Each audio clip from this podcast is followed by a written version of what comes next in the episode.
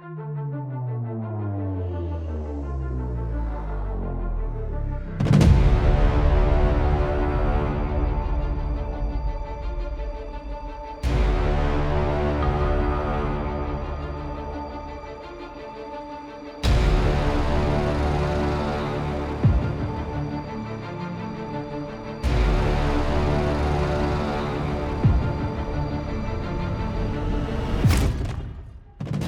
Cześć, witam na moim kanale. Ja mam na imię Piotrek i zapraszam Cię serdecznie do odsłuchania jednego z odcinków mojej audycji pod tytułem Stenogramy zbrodni.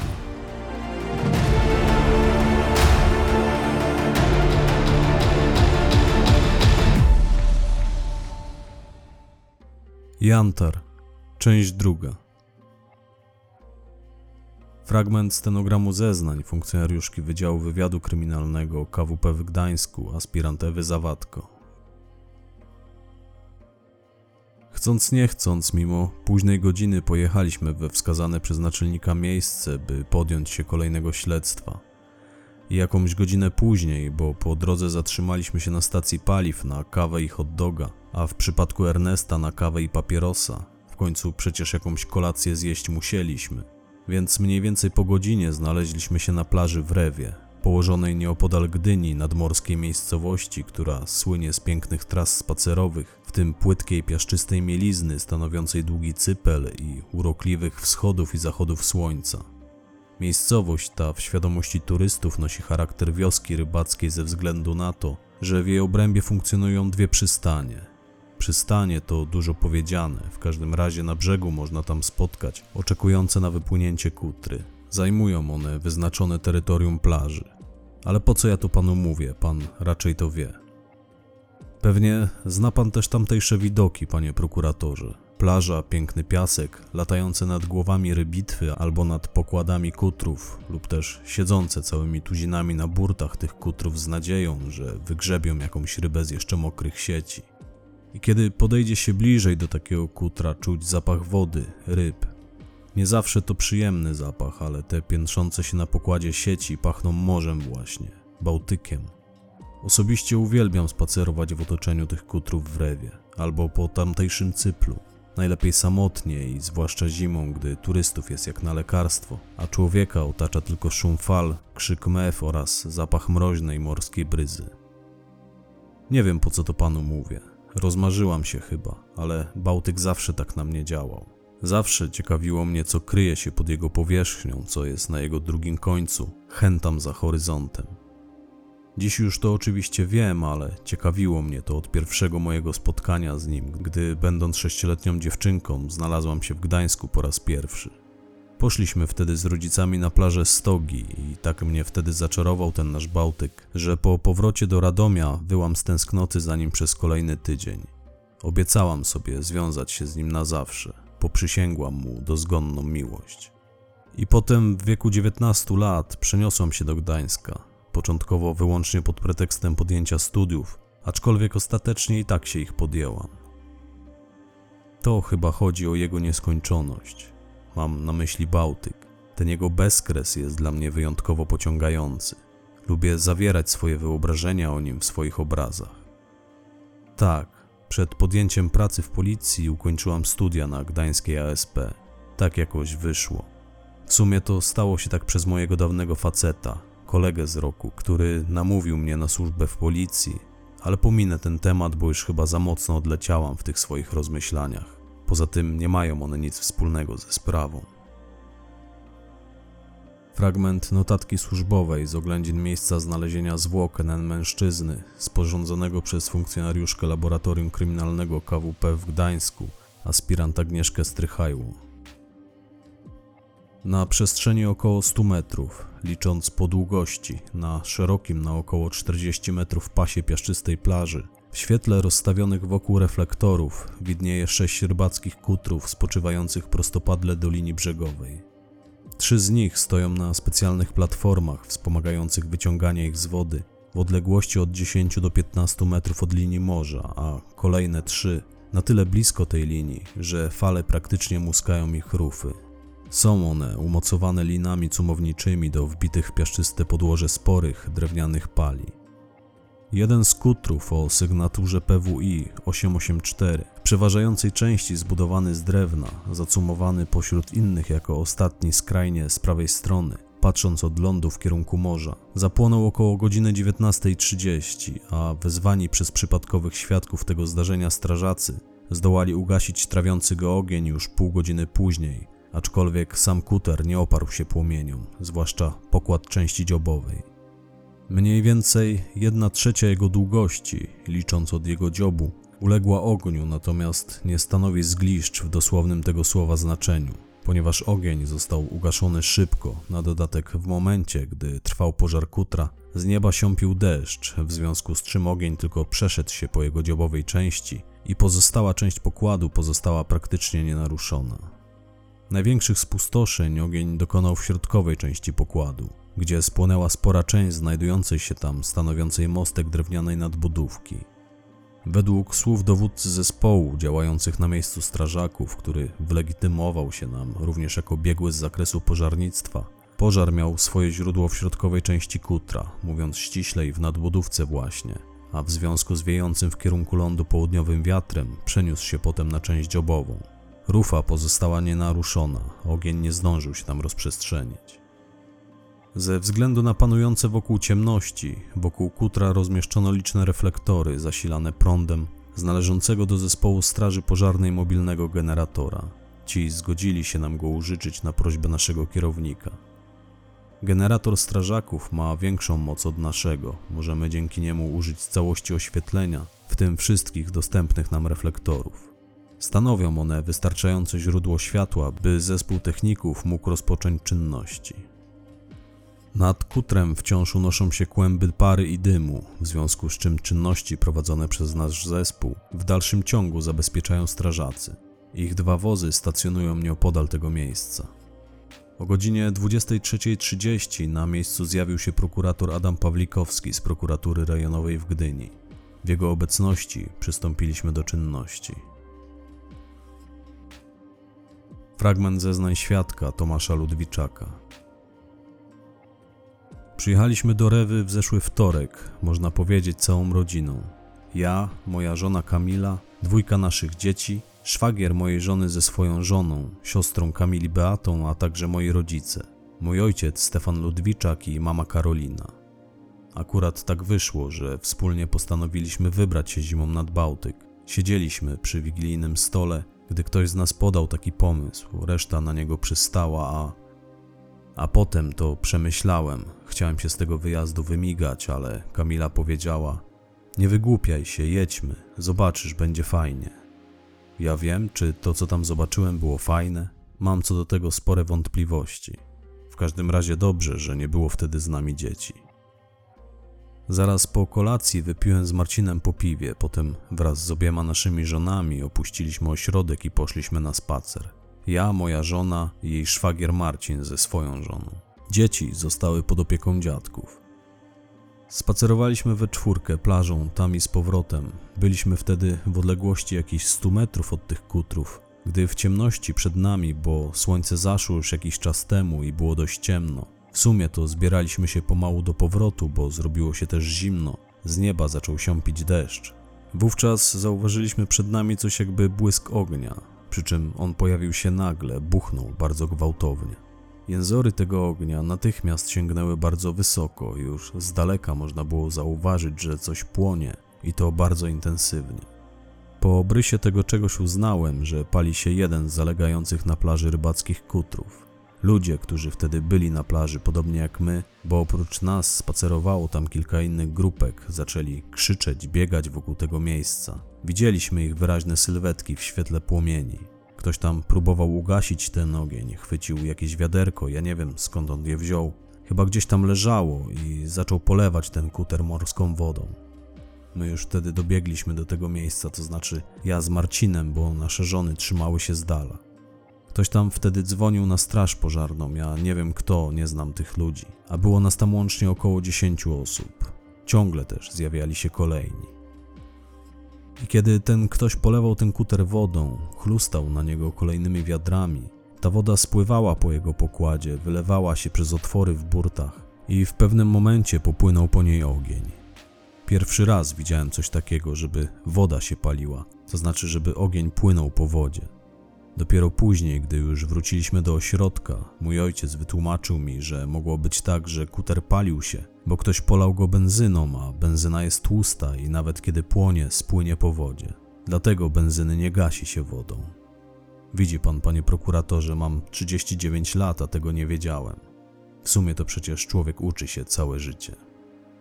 W powietrzu dość ostro śmierdziało benzyną, ale w ferworze walki, w tych emocjach, jakoś to do mnie wtedy nie dotarło, a na pewno nie od razu. Tak, bo my zaczęliśmy ten kuter posypywać też piaskiem. Zwyczajnie, rękoma. Nabieraliśmy piasku i sypaliśmy w ogień. I to było dobre rozwiązanie, ale niestety było nas zbyt mało, by ten ogień ugasić. Poza tym tam jeden drugiemu sypnął tym piaskiem pod wiatr. Ten piasek dostał się do czyichś oczu, ten ktoś zaczął się wydzierać. Tam trzy czy cztery osoby wpadły na ten pomysł i jedna na tym ucierpiała. Ale pozostali walczyli z ogniem zawzięcie. Niestety ostatecznie i tak się rozprzestrzenił, a my mogliśmy tylko stanąć z boku i patrzeć jak płonie, być może dorobek czyjegoś życia. Ja z zawodu ratownikiem medycznym jestem. Nie lubię się poddawać w podobnych sytuacjach, nauczony jestem ratować. Więc tam podchodziłem cały czas do tego kutra, na tyle blisko, na ile się dało, bo w pewnym momencie płomienie rozbuchały się tak bardzo, że ciężko było do niego podejść na odległość mniejszą niż jakieś 5 metrów. Ale podchodziłem, podciągałem się na burcie, zaglądałem na jego pokład, szukałem sam nie wiem czego, chyba liczyłem na to, że znajdę gdzieś jakąś gaśnicę. Statek powinien przecież mieć jakąś gaśnicę na pokładzie. Niestety nigdzie takowej nie było. Zauważyłem za to jakiś kij, to znaczy tak myślałem, że to był kij, ale kiedy udało mi się go sięgnąć, okazało się, że to bosak. Długa tyczka zakończona hakiem.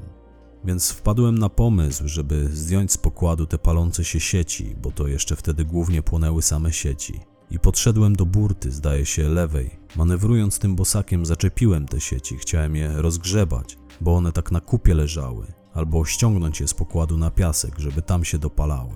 Ale nie dawałem rady. Sporo ich było, one były pozaczepiane o jakieś haki, tak naprawdę nie wiadomo o co. Wtedy podszedł do mnie szwagier żony. Widział, że mocuje się z tymi sieciami.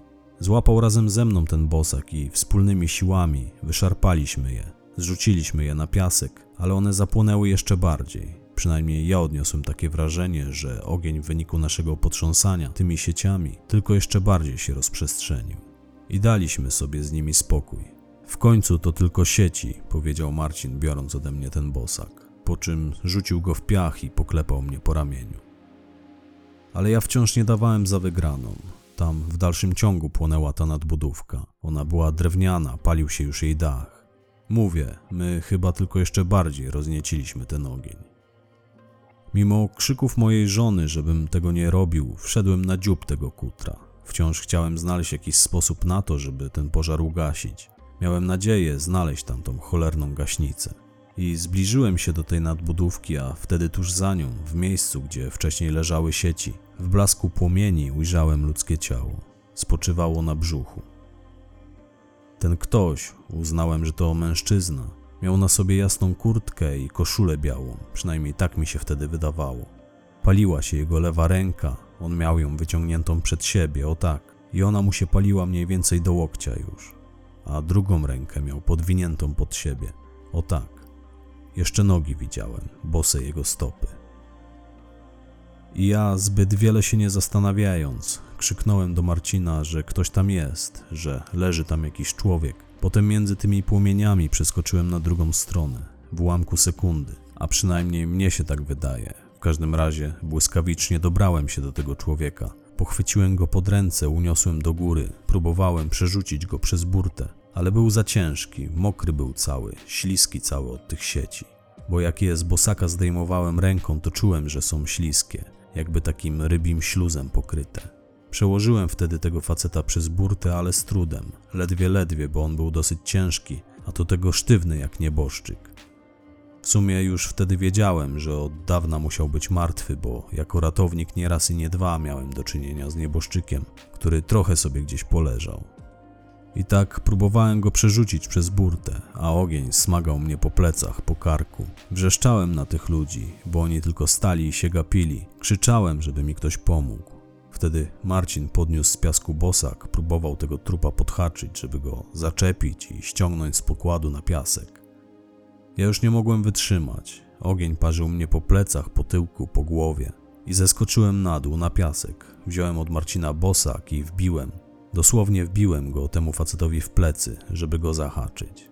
Marcin wrzasnął, co ty robisz, ale chyba też zaraz do niego dotarło, że lepiej tak niż wcale i już więcej nic nie mówił. I tym sposobem udało się jakoś go tam zahaczyć tym bosakiem. Potem przeciągnęliśmy go wspólnie przez burtę, zrzuciliśmy na piasek. Nie spłonął dzięki temu. Tam nic by z niego nie zostało. A tę dziurę, którą mu zrobiłem w plecach, no cóż, mam nadzieję, że jego rodzina nie będzie miała mi tego za złe. Fragment stenogramu zeznań funkcjonariuszki Wydziału Wywiadu Kryminalnego KWP w Gdańsku, aspirantewy Zawadko. Po przybyciu na miejsce zastaliśmy tłum ludzi i dymiącą łajbę, jak powiedział Ernest. On dosłownie tak się wyraził, powiedział nie no kurwa, przysłał nas tu do dymiącej łajby. Był zły jak mało kiedy na widok tego, co się tam działo, natomiast z pewnością spodziewał się, podobnie zresztą jak ja, że nie o samą łajbę chodziło. Nas nie wysyłają przecież do takich tematów. A wspomniałam o tłumie, bo ludzi nazbiegało się tam całe mnóstwo. Było ciemno, to i ogień widać było pewnie z daleka, a ciekawskich, jak wiadomo, nie brakuje. Potem, gdy dowiedzieliśmy się, co tam właściwie się wydarzyło, mogliśmy już tylko spisać personalia świadków, zabezpieczyć ciało Denata i oczekując na przyjazd techników, patrzeć jak strażacy zabezpieczają ugaszoną łódź. Trochę ją pokierszowali, że tak powiem, porozrywali i pocięli, podejrzewając, że Denat nie był jej jedynym pasażerem, ale na szczęście był. A dzięki postawie dwojga przypadkowych mężczyzn uniknął kremacji. Silnemu nadpaleniu uległa tylko jego ręka, jego dłoń była wręcz zwęglona. Oczywiście stopiło się na nim też całe ubranie, bo on miał na sobie taką pikowaną kurtkę. Wypełniona była czymś sztucznym, co szybko się stopiło. Spodnie też spłonęły na nim praktycznie doszczętnie. Przez to, że przebywał wtedy w tym ogniu, w sumie, jak to powiedział później szef techników, Facet ugotował się pod tymi sieciami, a potem wyjęty spod nich nieco się przypiekł. Mocno popękała na nim skóra, zmieniła kolor, przez co jego opuchła od wysokiej temperatury twarz nie wyglądała na ludzką. Miałam okazję mu się przyjrzeć, gdy prowadzono czynności na zwłokach jeszcze tam, na plaży.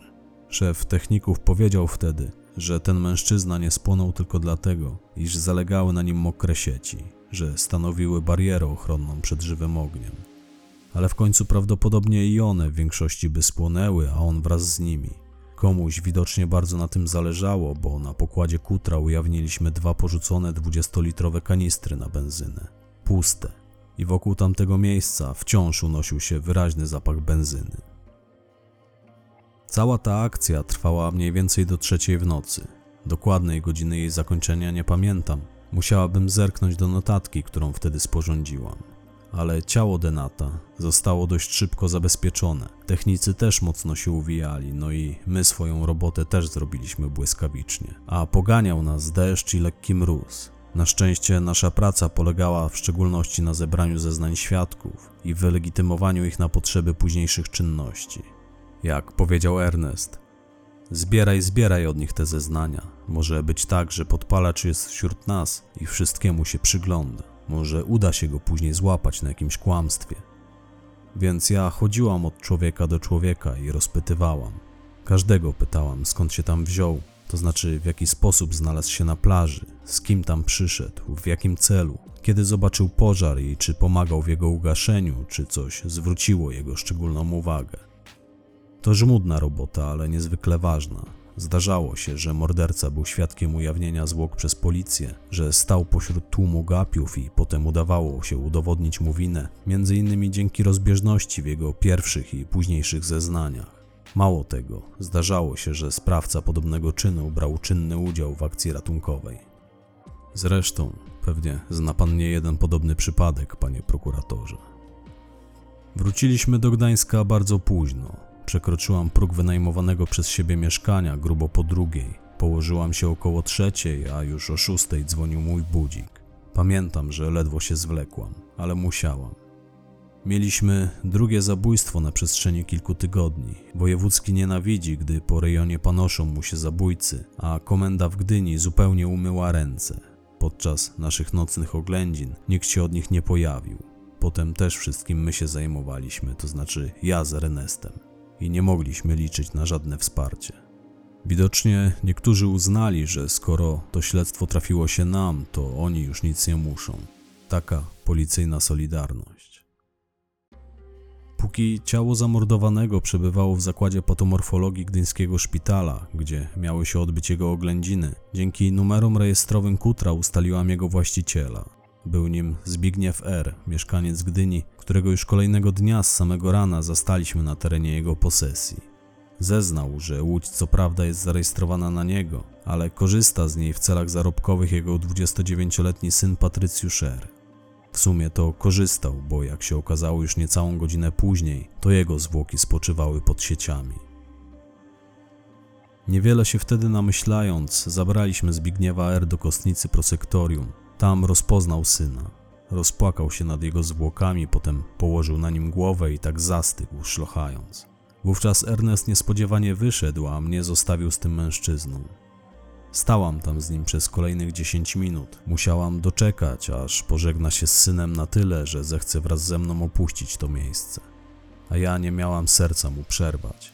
To nie tylko dla rodzin ofiar są ciężkie chwile, dla mnie również. Nie przepadam za czymś takim. Ernest też tego nie lubi, pewnie dlatego czmychnął. Oczywiście nie przyzna się do tego, bo mimo podeszłego wieku wciąż chce uchodzić za twardziela, jak to wszyscy faceci. I kiedy wyprowadziłam Zbigniewa R z prosektorium, Ernest siedział już w radiowozie. Udawał, ewidentnie udawał, bo go znam, że jest zaaferowany czymś ważnym. Nie chciał spojrzeć mi w oczy. Odwiedliśmy wtedy ojca Denata do jego domu. Potem przystąpiliśmy do dalszego śledztwa.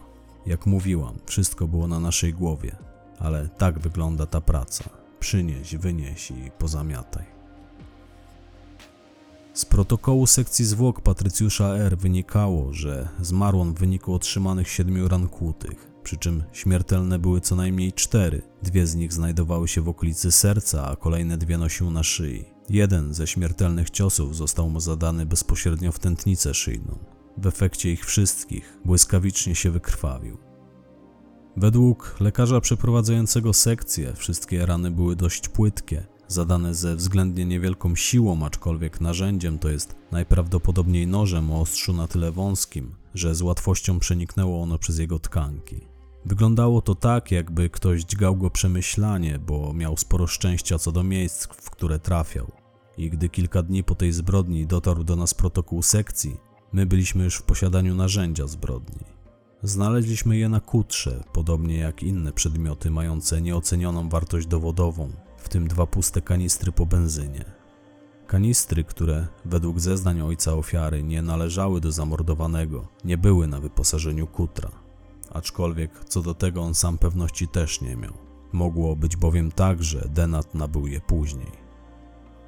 Ojciec zamordowanego był natomiast pewien co do jednego, że nóż, którym zadano jego synowi śmiertelne ciosy, był na wyposażeniu kutra.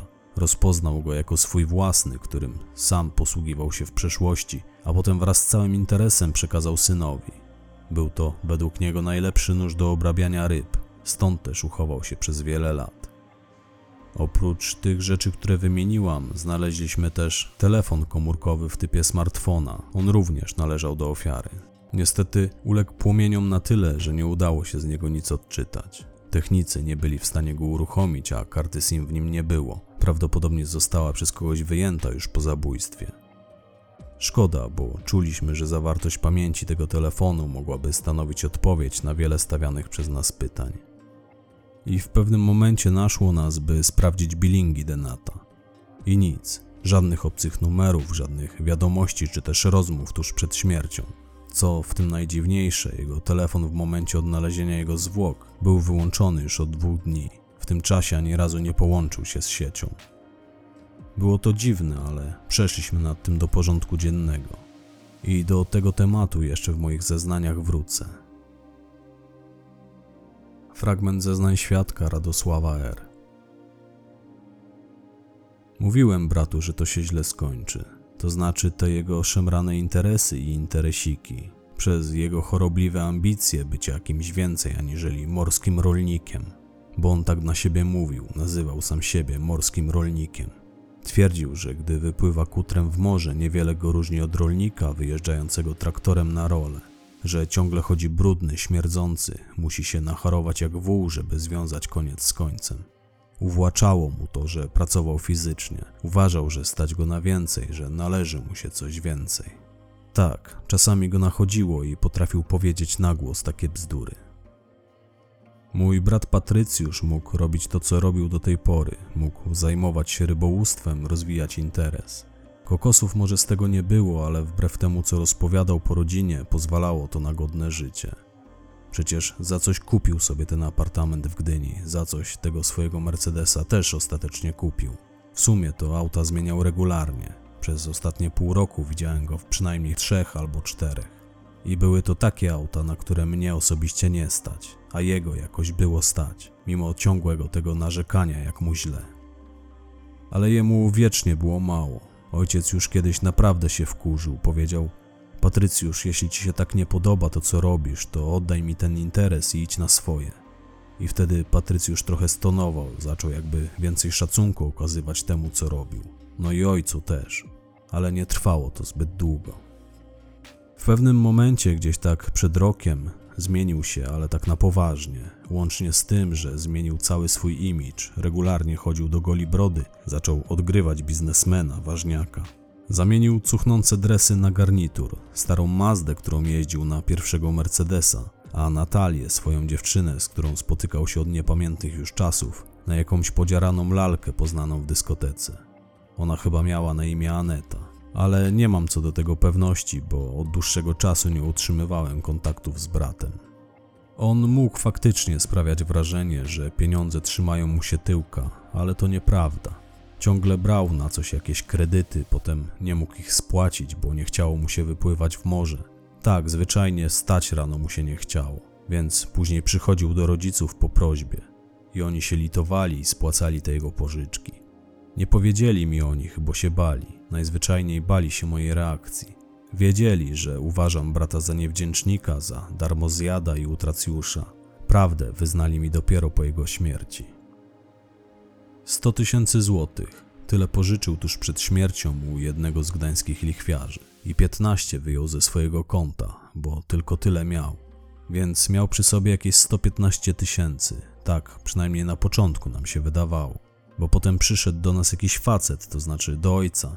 Powiedział, że żąda wydania auta, które Patrycjusz miał mu sprzedać tuż przed śmiercią i miał mu je przekazać w dniu swojej śmierci, ale tego nie zrobił. Natomiast pieniądze niby już zainkasował. Nawet świadkowie się na to znaleźli. Ponoć Patrycjusz powiedział temu facetowi, że sprzedaje mu auto po okazyjnej cenie, że zrobi to ze stratą, ale potem i tak się odkuje, bo trafił mu się świetny interes. Nie powiedział jaki, zdradził tylko, że świetny, a szkoda, że nie powiedział, bo chętnie bym się pośmiał. Widzi pan, to był cały on, cały mój brat. Obcemu człowiekowi się zwierzył, a rodzinie ani słowa nie powiedział.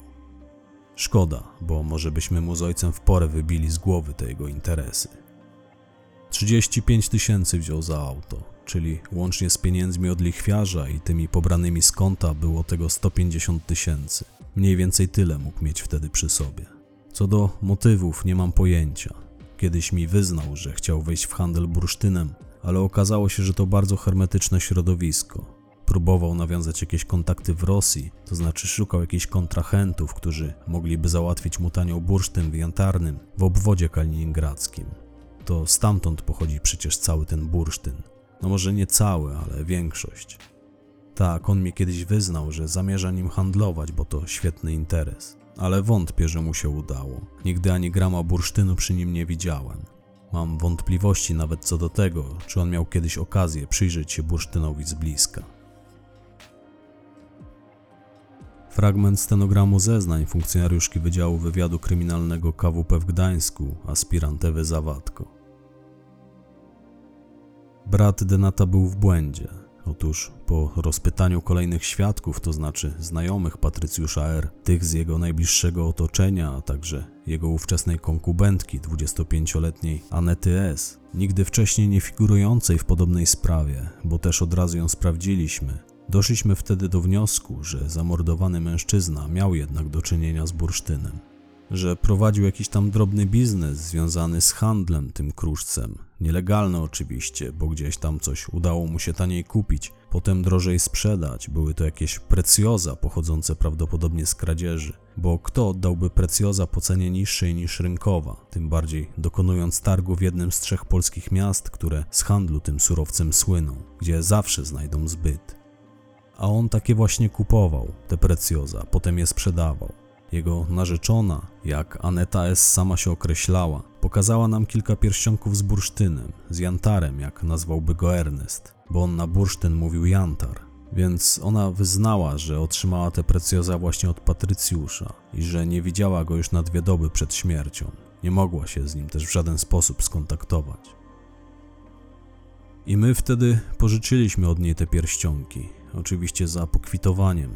Przeszliśmy się z nimi po mieście, Odwiedziwszy kilku bursztynników, szybko trafiliśmy na dawnego właściciela tych precjozów, który pokazał nam nawet zdjęcia z procesu ich powstawania, bo jak stwierdził, były to jego autorskie projekty. I jako znajmił, zostały mu one skradzione podczas włamania do jego pracowni, które miało miejsce przed dwoma laty więc doszliśmy do wniosku, że mimo wszystko Patrycjusz miał do czynienia z bursztynem. W naszych głowach zaczął on w tamtym momencie funkcjonować jako paser, drobny cwaniak, być może autor tamtego włamania i poszliśmy tym tropem w poszukiwaniach motywu jego śmierci. Uznaliśmy, że mimo czystej kartoteki mógł mieć sporo na sumieniu. Oba zabójstwa traktowaliśmy póki co jak dwie odrębne sprawy. Kiedy skończyły nam się pomysły na dalszy ciąg śledztwa w sprawie zgonu Patrycjusza i próby spalenia jego zwłok, powróciliśmy na jakiś czas do śledztwa w sprawie śmierci Erika Nilsona, który, jak się okazało, też był drobnym cwaniakiem. Przynajmniej tak określiła go jego żona, gdy po wielu perturbacjach w końcu pojawiła się w Polsce. Zeznała wówczas na protokół, że jej mąż Erik był drobnym kupcem, lubił coś tanio kupić, najlepiej coś kradzionego, potem drożej to sprzedać. Ciągle pakował się przez to w kłopoty, a nawet odsiedział w swoim życiu dwa wyroki. Krótkie co prawda, ale jednak. Na moje pytanie, czemu w takim razie z nim była, bo ona, przyjechawszy do Polski, spotkała się z nami w celu złożenia oficjalnych zeznań, ona mi wtedy przyznała, że miała już podziurki w nosie jego wybryków, aczkolwiek trwała przy nim, bo czuła się przy nim dobrze, przede wszystkim nie musiała pracować, bo on z pomocą tych swoich interesów był w stanie utrzymać ją i dwoje ich dzieci na przyzwoitym poziomie. I potwierdziła, że z ich wspólnego konta mąż wybrał przed wyjazdem równowartość 250 tysięcy euro. Potwierdziła też, że znalezione przez nas ubrania należały do jej męża, walizka również, Odholowane Porsche spod Granda na policyjny parking też. I za cholerę nie kojarzyła młodej kobiety, która widniała wraz z jej mężem na nagraniach sporządzonych przez hotelowe kamery. Nie mam pojęcia, kim ona jest. Tak brzmiały jej słowa, gdy posadziliśmy ją przed ekranem monitora. Ale jeśli to ona zamordowała mojego męża, to zanim wydrapię jej oczy, w pierwszej kolejności jej za to podziękuję, bo sama chyba nigdy nie znalazłabym siły, by od niego odejść. Tak, to słowa tej kobiety, małżonki zamordowanego Erika Nilsona. Może pan sprawdzić, że tak powiedziała. Wszystko jest w protokole jej zeznań. Bo jak mówiłam, wzięliśmy ją wtedy na przesłuchanie do protokołu, a później wręczyliśmy jej kilka rzeczy należących do jej męża i opuściła naszą komendę. Potem znalazłam, to znaczy natrafiłam na te rzeczy w kuble na śmieci na korytarzu komendy. Musiała je tam wyrzucić zaraz po opuszczeniu sali przesłuchań. Doprawdy dziwne relacje łączyły ją z mężem. Chyba więcej było w tym negatywnych emocji niż pozytywnych, ale po sprawdzeniu jej doszliśmy do wniosku, że w sprawie jego śmierci jest czysta. O ile nikomu nie zleciła zabójstwa, to sama raczej na pewno była niewinna. Miała żelazne alibi i póki co nie braliśmy jej w ogóle pod uwagę. Jak się później okazało, słusznie. Więc krótko potem przypomnieliśmy sobie o kobiecie z hotelu i postanowiliśmy zająć się jej poszukiwaniami na poważnie. O ile mogła ukryć się zaraz po śmierci Nilsona i dlatego wówczas nie trafiliśmy na jej ślad, to od tamtego momentu minęło już wystarczająco dużo czasu, by jej strach przed możliwą karą nieco zelżał i przypuszczaliśmy, że być może znów mogła zacząć pojawiać się gdzieś w Trójmieście. Taką powzięliśmy tezę. Przypuszczaliśmy też, że jeśli była zamieszana w śmierć Nilsona, to najpewniej zaraz po jego zabójstwie mogła wyjechać z kraju. Nie mieliśmy żadnej pewności, że o ile wyjechała, to wróciła, ani nawet pewności, że wciąż żyje, ale nie mając żadnego innego tropu, wzięliśmy się za jej poszukiwania. I równolegle do prowadzonego śledztwa w sprawie zabójstwa Patrycjusza R. szukaliśmy tej kobiety bardzo intensywnie przez kolejne dwa miesiące. Niestety bez skutku. Ślad po niej zaginął. I pamiętam, że któregoś dnia już zmęczeni byliśmy tymi jej poszukiwaniami, tym rozpytywaniem wszystkich o to, czy ją widzieli, czy ją kojarzą, czy ją znają. Pamiętam, że po raz kolejny spacerowaliśmy po plaży w Gdyni Orłowie. To był początek sezonu, czerwiec. Spotykało się już w Gdyni sporo turystów, ale też sporo poszukiwaczy z wykrywaczami metalu, na rozmowie z którymi szczególnie nam wtedy zależało, bo to ludzie, którzy zjeżdżają się na sezon do Trójmiasta z całego kraju. Być może przed kilkoma miesiącami trafili gdzieś na tę kobietę, a teraz może my trafimy na kogoś, kto ją wówczas widział i będzie potrafił cokolwiek o niej powiedzieć. Więc spacerowaliśmy wtedy brzegiem morza. Skończyliśmy akurat rozmawiać z jednym z błądzących po plaży z wykrywaczem mężczyzn. On niestety, podobnie jak inni, nie potrafił nic powiedzieć na temat poszukiwanej przez nas kobiety. I wtedy Ernest przysiadł na piasku, zapalił papierosa. Ja przyklękłam obok niego i patrzyliśmy oboje w rozciągające się przed nami morze. Wtedy Ernest nic z tego nizowego powiedział: A chuja tam ją znajdziemy. Pewnie ryby już zdążyły się nią zająć i nigdy się nie dowiemy, kim była, ani czy to faktycznie ona stoi za tym zabójstwem. I wtedy odparłam: Skąd te czarne myśli, Ernest? Oczywiście tak żartobliwie, bo on słynął z czarnych myśli i w ogóle nie byłam zaskoczona tym, co powiedział. A on mi na to rzecze. Mówię ci, jeśli temat tyczy się Jantaru, maczała w tym łapy ruska mafia albo chociażby nasze rodzime gangusy, to dziewczyny nie ma już wśród żywych. Obrócił się wówczas Ernest za siebie, pokazał mi palcem znajdujące się za naszymi plecami ruiny, dodał. Widzisz te ruiny Maksima, dzieciaku. Gdybyś miała pojęcie, co tu się kiedyś działo, jaki to był kiedyś boom, najpierw na obcą walutę, potem na jantar, na spirytus, amfetaminę, a potem już na cokolwiek, co należało do innego człowieka, a przedstawiało jakąkolwiek wartość. No i na tego Maksima, jaki był boom, co tu się działo. Jak oni się potem zaczęli nawzajem wyżynać, to już nikt nie miał pojęcia, o co właściwie im poszło. Ani my, ani oni sami. W pewnym momencie zażynali się już chyba tylko dla sportu. Dochodziło do tego, że po śmierci kolejnego gangstera, którego ktoś odpalił, bo mu brudził w interesie, pozostali członkowie trójmiejskiego świata przestępczego czekali, aż policja ustali jego personalia i pojawią się one w prasie, bo sami nie wiedzieli, który to z nich mógł tym razem zginąć. Tylu ich było w całym trójmieście.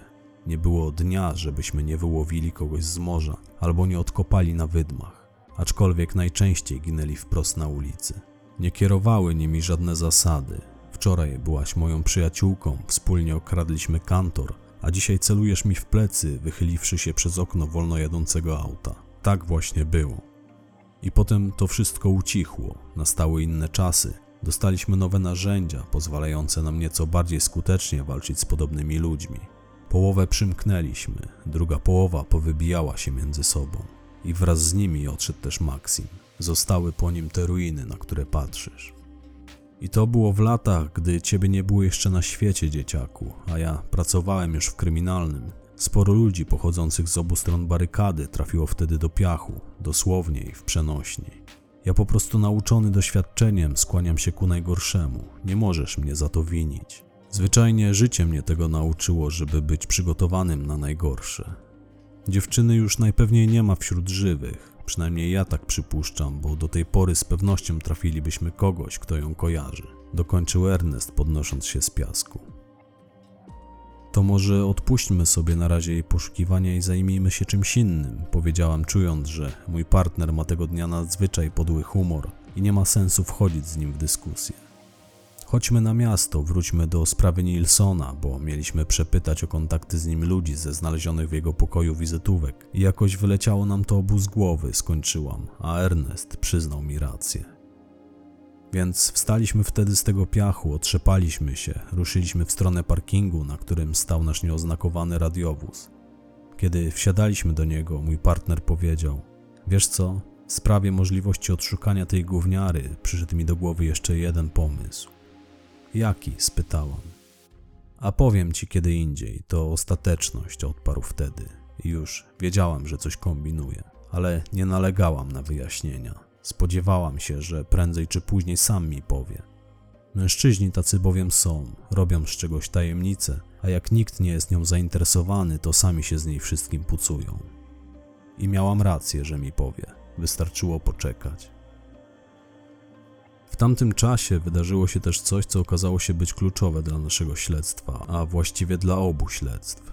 Otóż siedzieliśmy akurat z Ernestem w naszym biurze, gdy rozdzwonił się mój telefon. Dzwoniła kierownik prosektorium, w którym przeprowadzono oględziny sądowo-lekarskie zwłok Patrycjusza R.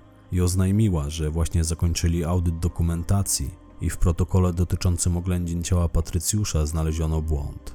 W papierach, które otrzymaliśmy, jako datę jego zgonu podano ten sam dzień, w którym gaszono pożar jego łodzi, a on zmarł dwa dni wcześniej, 15. Tak pokazały badania, a jego łódź spłonęła 17. Niestety ktoś datę odnalezienia zwłok przepisał potem jako datę zgonu i dokument z tym zapisem poszedł w świat. Kierowniczce prosektorium nie pozostało nic innego, jak tylko wszystko odkręcić.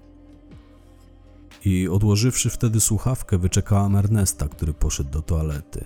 A kiedy wrócił, mówię do niego: Ernest, do cholery, o złe daty ludzi rozpytywaliśmy. Denat Skutra pożegnał się z życiem dwa dni przed pożarem. On w chwili podłożenia ognia był już martwy od dwóch dni. Prawdopodobnie przeleżał dwie doby pod sieciami. No to pięknie, kurwa, fuknął mój partner. Teraz wszystko czeka nas od nowa, dodał, sięgając po papierosy. A potem, gdy minęła nam pierwsza złość, bo to nic fajnego dowiedzieć się, że ileś twojej pracy poszło na marne, pojechaliśmy do centrum zarządzania kryzysowego, gdzie przechowywane są serwery miejskiego monitoringu. Przejrzeliśmy jeszcze raz filmy z kamer rozmieszczonych w okolicy wejść na plażę w Rewie, ale teraz już z właściwego dla tego śledztwa okresu, to jest sprzed dwóch dni do pożaru. I trafiliśmy na film, na którym było widać, jak pod osłoną nocy dwie osoby taszczą na plażę, prawdopodobnie pełne, bo wydawały się bardzo ciężkie, metalowe kanistry. A tymi osobami były dwie młode kobiety, przy czym twarz jednej z nich już znaliśmy. Od miesięcy nosiliśmy przy sobie jej zdjęcie. Niesamowicie dużo błędów popełniono przez tę pomyłkę, niesamowicie dużo zachodu było z tym, żeby ją odkręcić. We wszystkim trzeba było pozmieniać daty, każdego ponownie rozpytać na okoliczności. Masakra. Dlaczego doszło do takiej pomyłki, nie wiem. Widocznie ktoś zwyczajnie coś przeklikał. Na szczęście udało się komuś ten błąd naprawić i dzięki temu trafiliśmy na poszlaki mogące wskazywać na to, że młoda kobieta figurująca w aktach śledztwa dotyczącego śmierci szwedzkiego turysty, zamieszana być może również w śmierć Patrycjusza R., a przynajmniej w pożar jego łodzi. Kim była jej wspólniczka, brunetka starsza od niej o około 10 lat? Na tamtym etapie ja osobiście wiele bym dała, by poznać odpowiedź na to pytanie i ponownie rozesłaliśmy wizerunek naszej poszukiwanej po Polsce, ale akurat tym razem w towarzystwie jej wspólniczki, po czym sami wyruszyliśmy w miasto. Rozpytać bursztynników, których wizytówki znaleźliśmy w apartamencie Nilsona, o znajomość z nimi i ewentualnie o powody jego przyjazdu do Sopotu. Fakt, od jego śmierci minęło już prawie pół roku, a my wciąż nie podjęliśmy się tak ważnej, mogłoby się wydawać czynności, ale nikt nam w tych śledztwach nie pomagał, po wykryciu błędów w protokole sekcji musieliśmy wiele rzeczy zrobić od nowa. To zajęło nam bardzo dużo czasu, a i Ernest też nieszczególnie się we wszystko angażował. On nie lubi papierkowej roboty, czuje się stworzony do wyższych celów. Osobiście mi kiedyś to wyznał. Poza tym czynności prowadzi się tak, by można było je potem klepnąć procesowo, a nie na szybcika. Przynajmniej powinno się je tak prowadzić. I my je tak prowadziliśmy. I tydzień mijał za tygodniem. Rozpytanie kilkunastu większych i kilku pomniejszych trójmiejskich bursztynowych graczy też zajęło nam dość sporo czasu. Dwóch z nich kojarzyło Nilsona, ale nic konkretnego na jego temat powiedzieć nie potrafili, natomiast trafił nam się też jeden w Gdańsku, który swoimi zeznaniami potwierdził nasze ówczesne przypuszczenia. Zeznał on bowiem, że Eric Nilsson spotkał się z nim dwukrotnie pod koniec minionego roku. Za pierwszym razem sam naszedł go w jego salonie. Proponował mu transakcję polegającą na odkupieniu sporej ilości nieobrobionego bursztynu. Wyznał przy tym, że przybył do Polski, by dokonać podobnej transakcji, ale człowiek, z którym był umówiony, wystawił go do wiatru, a on nie chciał wracać z pustymi rękoma, więc przemierzał trójmiejską aglomerację w poszukiwaniu kolejnej okazji, niekoniecznie legalnej. I najwidoczniej w końcu trafiło mu się to, o czym marzył. Fragment zeznań świadka Ireneusza D. Ten człowiek pojawił się w moim salonie przy Mariackiej 17 albo 18 grudnia. Nie mam teraz pewności co do dokładnej daty. Po prostu nie pamiętam. W każdym razie spotkałem go po raz pierwszy na kilka dni przed Wigilią. Przeszedł się po salonie, obejrzał wszystkie wystawy. Ja go widziałem już chwilę wcześniej, dość długo stał na zewnątrz i przyglądał się zawartości mojej witryny. Tam też mam wystawionych sporo ładnych rzeczy. A kiedy już znalazł się w środku i oprzed wszystko, spytałem, w czym mogę mu pomóc. Wtedy on przedstawił mi się, spytał jednocześnie, czy mówię po angielsku. Odparłem, że mówię, bo faktycznie trochę tam szprecham po angielsku. Więc on powiedział, że szuka bursztynu, a wtedy ja, zaskoczony tym, co powiedział, pokazałem mu ręką wnętrze mojej galerii, spytałem: A co to jest według pana, jeśli nie bursztyn? I on stwierdził, że to owszem, bursztyn, bardzo piękny jego zdaniem, ale on szuka czegoś wyjątkowego. Spytałem, co ma na myśli, wtedy odparł, że szuka możliwie największych okazów, surowego, to znaczy nieobrobionego bursztynu. Powiedziałem mu, że o ile sam go kupuję, to nie zajmuję się handlem surowcem, że nie jestem kopaczem bursztynu, tylko jego przetwórcą, bursztynnikiem, złotnikiem, bo ja nie tylko biżuterię wykonuję, również przedmioty codziennego użytku, z bursztynu, ze złota, ze srebra. Wtedy on stwierdził, że tak, że oczywiście wszystko to rozumie. Potem przeprosił mnie za swoje pytania, za tę swoją śmiałość i wyznał mi, że przybył do Polski właśnie w celu zakupu sporej ilości surowego bursztynu, lecz nieoczekiwanie został wystawiony przez swojego kontrahenta. To znaczy tamten umówił się z nim, ale nie przyszedł. Ja pogadałem jeszcze chwilę z tym Nilsonem, potem miałem sporo klientów. Zwaliła mi się do salonu cała wycieczka, a on w pewnym momencie pożegnał się ze mną i poszedł. Zjawił się jeszcze tego samego dnia, tyle że pod wieczór. Zapytał, czy miałbym coś dla niego. I przyznam, że miałem, bo sam krótko wcześniej nabyłem sporo bursztynu, a nawet zbyt dużo bym w najbliższym roku zdołał go przerobić. Po prostu taką inwestycję poczyniłem przed nowym rokiem, bo przy nowej dacie zawsze ceny surowca idą w górę. Zwyczajnie tak się robi, pod koniec roku kupuje się po starej cenie, potem obrabia przez cały kolejny rok, ale sprzedaje po nowej. I postanowiłem, że jeśli facet zgodzi się wziąć ode mnie trochę tego bursztynu, w korzystnej oczywiście dla mnie cenie, to mu go odsprzedam, bo miałem wrażenie, że wziąłem za dużo i sam tego nie przerobię. Więc umówiliśmy się w Wigilię u mnie w salonie. On tego samego dnia miał wracać do Szwecji, przynajmniej tak stwierdził. Miało tego być na 200-250 tysięcy. Oczywiście mam na myśli walutę euro. Ale on się wtedy nie pojawił. Byliśmy umówieni, ja się tego bursztynu naznosiłem, naczyściłem, przygotowałem się, a on zwyczajnie się nie zjawił. Dzwoniłem na jego numer, potem wysłałem mu smsa, że tak się nie robi, a on odpisał mi: Sorry, trafiła mi się lepsza okazja. Jakoś mi tak nie pasowało do niego to sorry, tym bardziej, że odpisał bezbłędnie po polsku, ale cóż, przyszło mi do głowy, że to zwykły cwaniaczek był, naciągacz, jakiś świrnięty kombinator, nikt poważny. I szybko o nim zapomniałem i o całej tej sprawie. A tego drugiego, tego z poparzoną twarzą, to w ogóle nie kojarzę. Tamten nigdy mi się nie rzucił w oczy. Być może odwiedził kiedyś mój salon, może nawet z nim rozmawiałem, ale wie pani, kto by ich wszystkich spamiętał? Fragment stenogramu zeznań funkcjonariuszki Wydziału Wywiadu Kryminalnego KWP w Gdańsku, aspirantewy Zawadko. Po tym jak trafiliśmy na Ireneusza D., mieliśmy wszelkie podstawy ku temu, by sądzić, że Erik Nilsson przybył do Sopotu w poszukiwaniu zwykłej okazji. Nie tyle miała być to łóżkowa okazja, aczkolwiek sądząc po nagraniach z hotelu tychże również nie unikał, co okazja związana z możliwością zakupu bursztynu, oczywiście po taniości.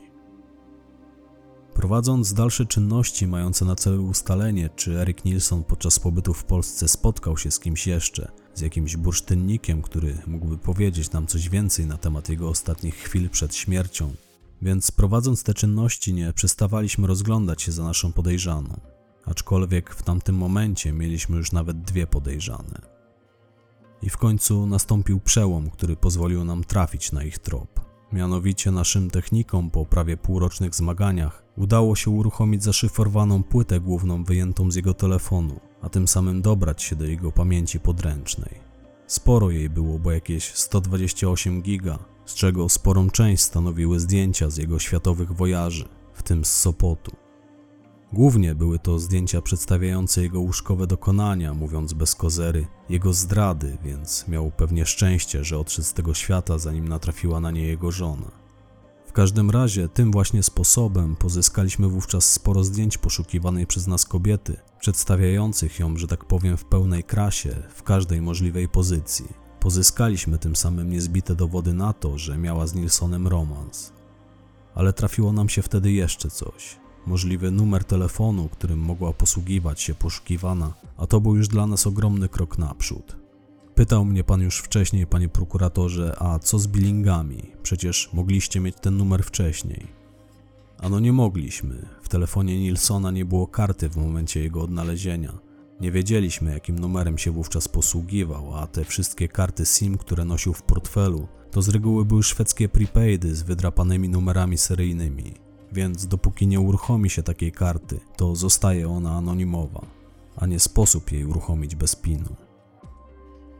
Tak, Nilsson okazał się być lepszym cwaniakiem niż przypuszczaliśmy, zarówno my, jak i jego żona.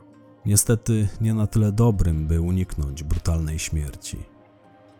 Więc mając SMS-y Nilsona z zapisanym numerem, z którego pochodziły, sprawdziliśmy numer e-mail telefonu, w którym znajdowała się karta SIM z tym numerem, gdy zostały one wysłane.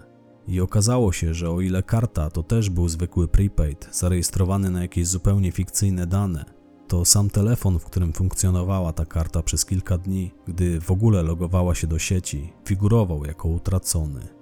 Gdy tylko udało nam się ustalić jego dawną i jedyną zarejestrowaną właścicielkę, 22-letnią Ursulę W. Ursulę, nie Urszulę, bo to było litewskie imię. Aczkolwiek pani ta według wszelkich pozyskanych przez nas informacji od przynajmniej pięciu lat już przebywała w Polsce, dokładnie w Gdańsku, a wówczas w tamtejszym domu samotnej matki przy Matemblewskiej. Zanim jednak tam pojechaliśmy, zadzwoniłam tam. Telefon odebrała kierowniczka ośrodka, powiedziała – tak, pani Ursula przebywa u nas od prawie dwóch lat. Tak, teraz też jest u siebie. Powiadomić ją o odwiedzinach? Oczywiście moja odpowiedź mogła być tylko jedna. Proszę jej o niczym nie powiadamiać. Zależy nam bowiem na efekcie zaskoczenia.